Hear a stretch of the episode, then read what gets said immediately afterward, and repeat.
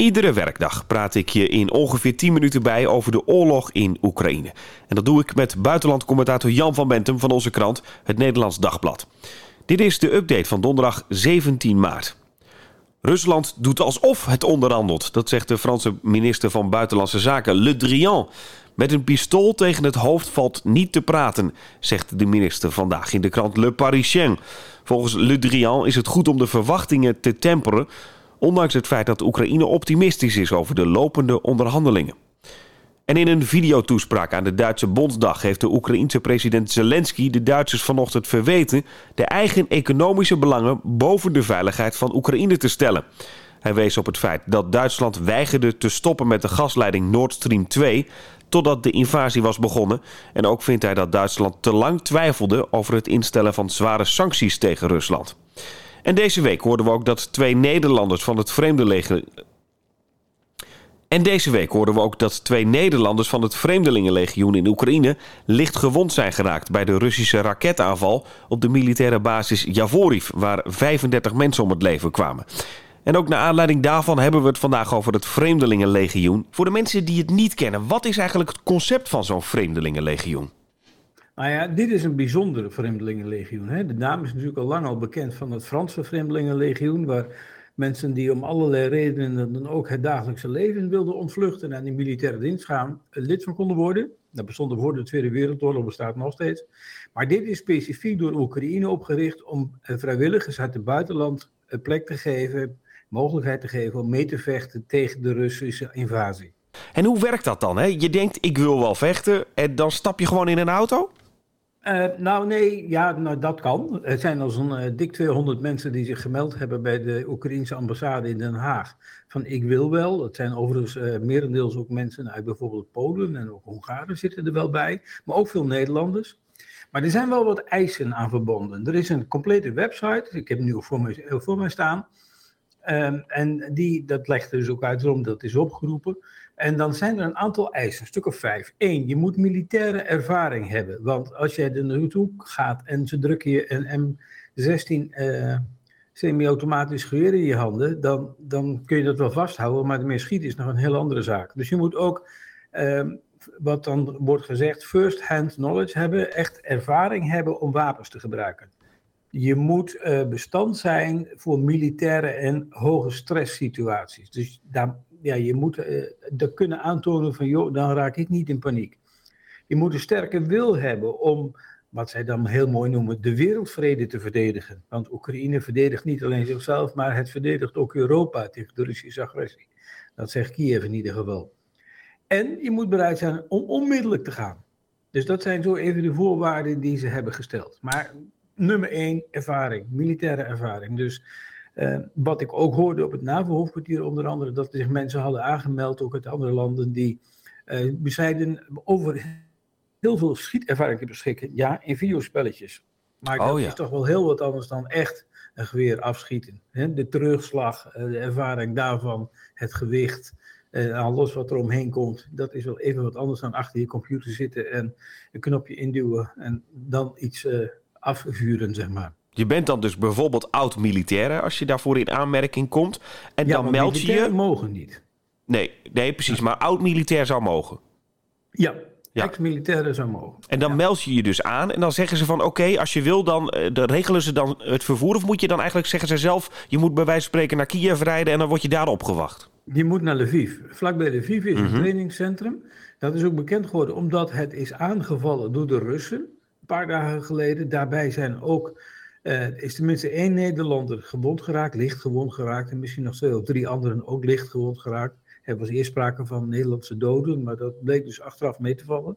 Maar dan word je toch wel even uh, ook nog wel getraind in de specifieke uh, gevechtsomstandigheden van het Oekraïnse leger. Want dat heeft toch wel in deze strijd een heel eigen tactiek ontwikkeld. Heel mobiel, kleine units, redelijk zelfstandig opereren. Dus niet met uh, 200 tanks tegenover 300 tanks gaan staan en dan schieten en kijken wie het langs volhoudt. Nee, uh, echt vanuit de flanken aanvallen, terugtrekken, andere bewegingen maken. Dus een heel eigen gevechtstactiek. En je komt dan aan in Lviv. Uh, dan kom je, denk ik, met allemaal mensen uit allemaal andere landen ook samen in een team of zo. Ja, en daar zijn coördinatoren. Er zit ook een Nederlandse coördinator die, die erbij ook, ook dit allemaal meer organiseert. En dan worden van die mensen worden eenheden gemaakt. En waar je dan exact naartoe gaat, dat is natuurlijk het militaire geheim van Oekraïne. Maar je wordt er wel ingezet op plekken waar jouw specifieke bekwaamheden wellicht het beste uitkomen. Je moet ook niet alleen maar denken, denk, uh, waarschijnlijk aan uh, vechten met vuurwapens, maar denk ook aan cyberoorlog. Oekraïne wordt ook om de havenklap, heeft het met cyberaanvallen te maken vanuit Rusland. En ook daarin heb je deskundigen nodig die dat kunnen tegenhouden. Ja, wat dat betreft staat Nederland redelijk goed aangeschreven. Ja, dat, hoe, hoe groot is dat Vreemdelingenlegioen? Er wordt gezegd van uh, maximaal zo'n 17.000 mensen, maar die cijfers zijn wat lastig, omdat daar ook de vrijwilligers bij betrokken uh, zijn die al eerder in de Donbass vochten. Dus zowel aan de, aan de Oekraïnse kant als aan de andere kant, hè, de pro-Russische rebellen. Uh, dan eigenlijk zou het cijfer nog veel hoger moeten zijn, want er zaten al tussen de minimaal 10.000 en maximaal zo'n 23.000 Russische militairen bij die pro-Russische milities. Eh, dus dat, dat is al jaren gaande. Dus hoeveel er nu exact zijn, is niet duidelijk. Wel zeg maar dat er dus een paar honderd, minimaal 200, zich in Nederland bij de ambassade hebben gemeld. Ook weten we dat het een populair doelwit van Poetin zou zijn, dus het is zeker niet zonder gevaar. Waarom wil hij juist dat vreemdelingenlegioen raken? Nou, juist dat Vreemdelingenlegioen weet ik niet. Uh, er is dus wel die luchtaanval op, die, uh, op dat trainingskamp uitgevoerd. Misschien ook wel duidelijk te maken van blijf weg, maar ook mede omdat daar wapens vanuit het westen zouden worden aangevoerd voor het Oekraïnse leger. Dus het doelwit uh, is wel duidelijk, maar waarom dat werd aangevallen, de reden is niet helemaal 100% duidelijk. Het zou zeer goed kunnen, zoals de Russen zelf ook zeggen, dat het bedoeld was om de, om de westerse wapenleveranties tegen te gaan. Om die aanvoer te, nou ja, te stop te zetten, zeg maar. Als laatste, um, ja, als je dan allemaal mensen hebt gedood daar bijvoorbeeld in die oorlog en terugkomt in Nederland, um, ja, kan dat eigenlijk? Of is het strafbaar? Daar is een verandering in geweest. Vroeger was het strafbaar als je in uh, vreemde krijgsdienst ging. Dan verloor je ook in Nederlanderschap. Dat is bijvoorbeeld gebeurd met mensen die hebben gevochten in Spanje in de jaren 30 tegen de fascisten van Franco. Die bleven echt decennia lang statenloos, ook in Nederland. Uh, nu mag het wel, mits je je aansluit bij een georganiseerd leger van een land. Het mag dus bijvoorbeeld niet als je je aansluit bij uh, milities, zoals gebeurd is met iemand die tegen ISIS ging vechten, samen met Koerdische milities. Die is na afloop opgepakt. Maar als jij in dat legioen zou zitten, dan wordt het waarschijnlijk getolereerd, tenzij jij je hebt schuldig gemaakt aan oorlogsmisdaden. Dus je moet wel echt via het oorlogsrecht, uh, laten we zeggen, uh, in, in in die strijd verwikkeld zijn geweest. Daarbij kun je militairen van de Russen hebben gedood, maar dat dan, moet dan zijn geweest in een eerlijk gevecht, zeg maar. Dus geen krijgsgevangenen martelen, geen uh, gevangenen doodschieten. Dan ga je hier alsnog voor de rechter komen. Ja. Wat maakt, denk jij, dat uh, mensen uit Nederland bijvoorbeeld daarheen willen? Ja, toch de betrokkenheid van uh, dit, spreekt natuurlijk tot de verbeelding. Een land dat, laten we het gewoon zomaar zeggen, zich dapper verzet tegen de overname door een grootmacht.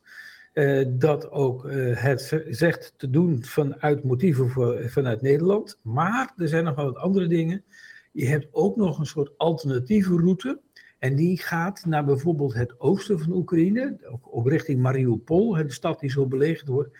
Daar zit het bataljon van Azov. Dat is een bijna neonazistisch bataljon. Dus in ieder geval neonazistische leden zijn erbij.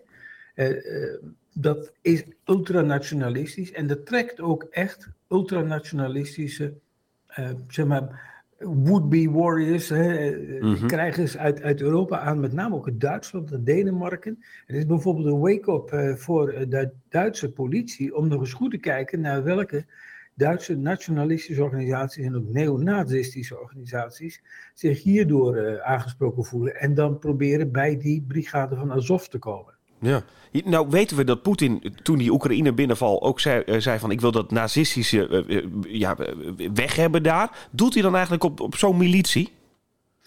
Nou, die militie wordt wel voortdurend door Rusland als zinbeeld daarvoor gebruikt. Hè. Alle plaatjes zeg maar, die te maken hebben met neofascistische uh, uh, militairen aan de Oekraïnse kant zijn bijna altijd uh, die brigade van Azov.